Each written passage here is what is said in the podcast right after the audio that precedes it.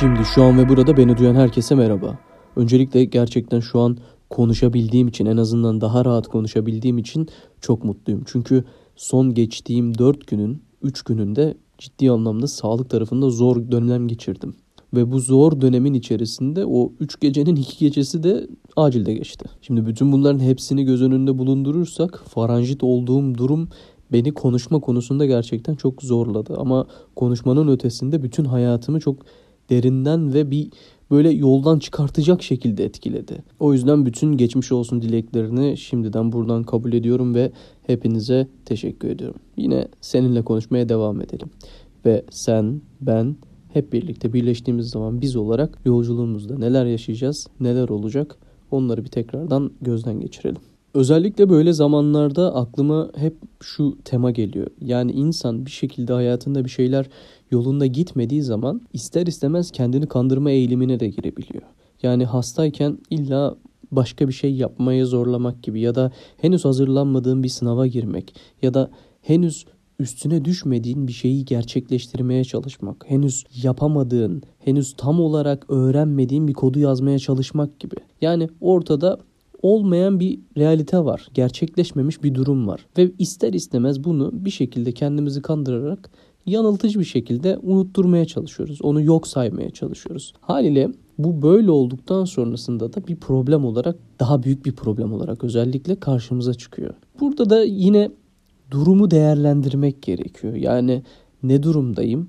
Ben ne yapıyorum? Ben ne yapmak istiyorum? Ve bütün bunları gerçekleştirebilmek için nelere ihtiyacım var? Şimdi bu hastalık dönemlerinde ben biraz daha sorgulayıcı moda geçiyorum. Çünkü başka bir şey yok yapacak açıkçası hayatında bir şeyler yolunda gitmiyor ve oturup dinlenmen gerekiyor. İşte ilaç alıyorsun, serum alıyorsun, iğne vuruluyorsun vesaire derken ister istemez normal akışın içerisinden çıkıp başka bir duruşun içine giriyorsun. Başka bir durumun içine giriyorsun. Bütün bunların hepsi göz önüne alındığında beni en çok tatmin eden şey bu bütün süreçte sorgulamak, düşünmek, yazı yazmak. Normalde konuşabildiğim zamanlarda konuşuyorum ama işte bu faranjitten kaynaklı olarak da çok konuşamadığım bir kaç gün geçirdim baktığında.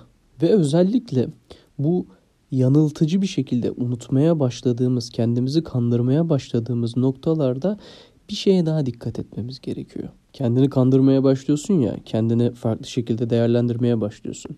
Bir yerden sonra bazen kınamaya başlıyorsun. Kendini unutuyorsun, kim olduğunu unutuyorsun. Ve böyle olduğu zaman da hayat seni bir gün öyle bir yere getiriyor ki tekrar hatırlamak zorunda kalıyorsun. Hatta bu çok güzel bir film sahnesi, çok güzel bir çizgi film, animasyon film sahnesi. Benim sinemada ilk izlediğim film. Aslan Kral. Filmde Simba arayış dönemi içerisindeyken babasıyla, babasının daha doğrusu ruhuyla kendini konuşurken buluyor ve Mufasa'nın oğlu Simba'ya söylediği şey kim olduğunu hatırla Simba. İnsan kendini unuttuktan sonra illaki bir yerde kendini hatırlamak zorunda kalıyor. Kendini unutmamak içinse bilinçli olarak kendine dönmek gerekiyor. Evet bugünün konusu, konu başlıkları sevgi, bilgelik, liderlik. Ama neden bunlar? Bu bölümde tam 3 yıl önce çıktığım yolculuk olan Ozan'la Yolda yazılarıyla başlayan sürecin ikinci sezon podcastlerinin son bölümü. Ve bunun devamı gelecek. Bu şey değil, bu bir son değil. Bu artık bir şeyleri daha da değiştirdiğimizin mesajı, enerjisi. Yani bir son değil. Bir ara vereceğiz. iki haftalık bir ara olacak. Ondan sonra yeniden bambaşka bir yolculukta kaldığımız yerden devam edeceğiz.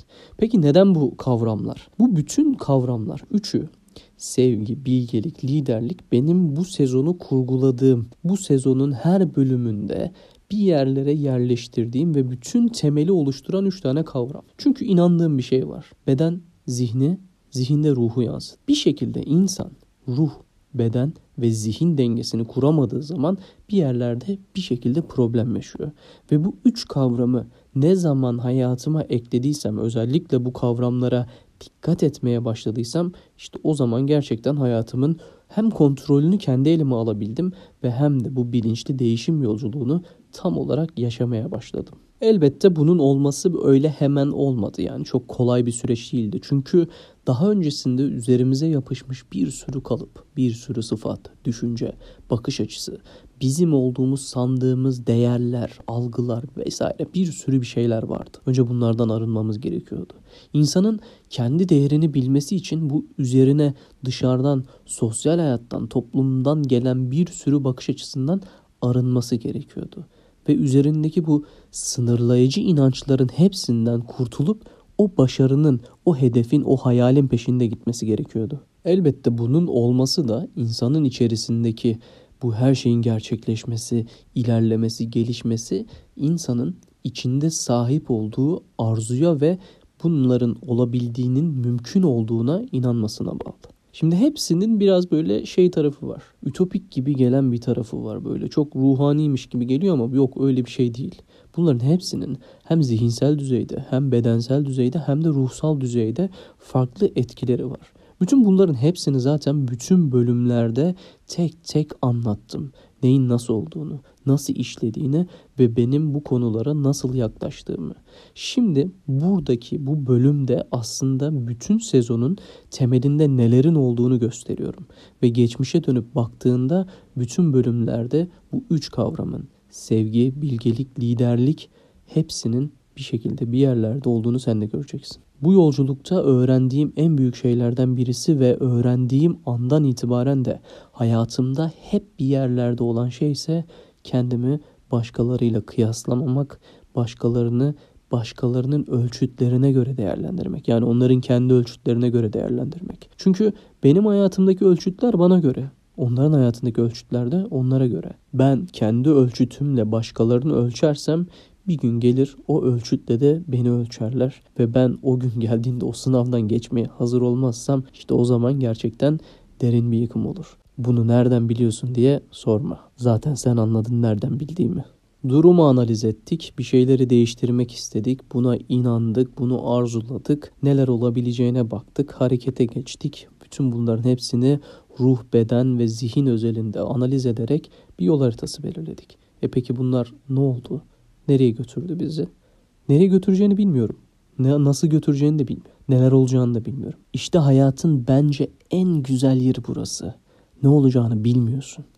Sonsuz olasılıklar evreninde sonsuz tane şeyin olma ihtimali var. Ama şunu da biliyoruz. Sen en çok hangi olasılığın üstünde eğilirsen o olasılık gerçekleşir. Az önce bahsettiğim konulardan bir tanesinin üzerinde biraz daha durmak istiyorum. Başkalarının hakkında ölçütler uygulamak, yargılarda bulunmak, onların hakkında yargılamalar yapmak, onları değerlendirmek vesaire. Buradan ayrıştırmak gerekiyor kendimizi. Ne onların bakış açısıyla kendimi denemeliyim, kendimi ölçmeliyim ne de kendi bakış açımla onları ölçmeliyim. Herkesin kendi yolculuğunda olduğunu hatırlamak ve bütün yaptıklarının o yolculuğun gereklilikleri ya da getirdiği şeyler olduğunu kabul etmek insana büyük bir rahatlık veriyor. Bu çok zor bir şey değil. Bu bence bu yolculukta olabilecek en kolay şeylerden birisi. Bırak kim ne yapıyorsa yapsın.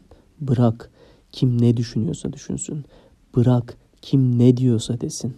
Bırak kim ne giyiyorsa giysin. Bırak kim ne izliyorsa izlesin. Bütün konularda bunları söyleyebiliriz. O yüzden tamamen bırak. Tutacağın yer sadece kendi hayatın olmalı. Dönüp baktığın yer sadece kendin olmalı. Kendi yolun olmalı. Ve bütün bunlara baktığında zaten asıl hayatın amacının buralarda saklı olduğunu göreceksin. Peki neden bu üç kavram? Neden sevgi? Neden bilgelik? Neden liderlik? Gel sana sırasıyla anlatayım neden olduğunu. Neden sevgi? Ben sevginin yeryüzündeki ama burada bahsettiğim saf sevgi, aşk vesaire değil, saf sevginin değiştirici, dönüştürücü en büyük güç olduğuna inanıyorum. Şimdi saf sevgiyi bir taraftan ilahi sevgi olarak değerlendirebiliriz ama eğer bu bir inanç meselesi olarak seni rahatsız ediyorsa bunu şöyle düşünmeni istiyorum. Her şeyi kabul edebilme, olduğu şekilde kabul edebilme bilinci. Çünkü saf sevgi tam olarak karşıdakini olduğu haliyle kabul edebilme gücünü veriyor aynı zamanda. O yüzden bir insanı gerçekten saf bir sevgiyle seviyorsan onu her haliyle kabul edebiliyorsun demektir. Bir olayı saf sevgiyle, anlayışla karşılayabiliyorsan onu gerçekten derinden anlayabiliyor, hissedebiliyorsun ve bu mesajın sana gelmesi için aslında bütün kanalı açmışsın demektir. O yüzden bu yolculukta yaşadığım bütün olaylara, insanlara, yerlere, durumlara adına ne diyorsan de hep saf sevgiyle yaklaştım. Yaklaşmayı özellikle istedim. Hep bu tarafımı besledim. Çünkü bütün bu geçen sürecin dönüştürücü enerjiyle buluşması ancak saf sevgiyle mümkündü. Peki neden bilgelik? Şimdi yeryüzünde hepimiz bir şekilde bir şeyler öğreniyoruz ya da fark ediyoruz. Bilgiler zaten bizde vardı. Okullara gidiyoruz, insanlarla tanışıyoruz, mentörlükler alıyoruz, kitaplar okuyoruz, filmler izliyoruz, bir şeyleri analiz ediyoruz. Kendimiz teoremler üretip yeni formüller çıkartıyoruz. Bir sürü şey var. Her yerde bilgi.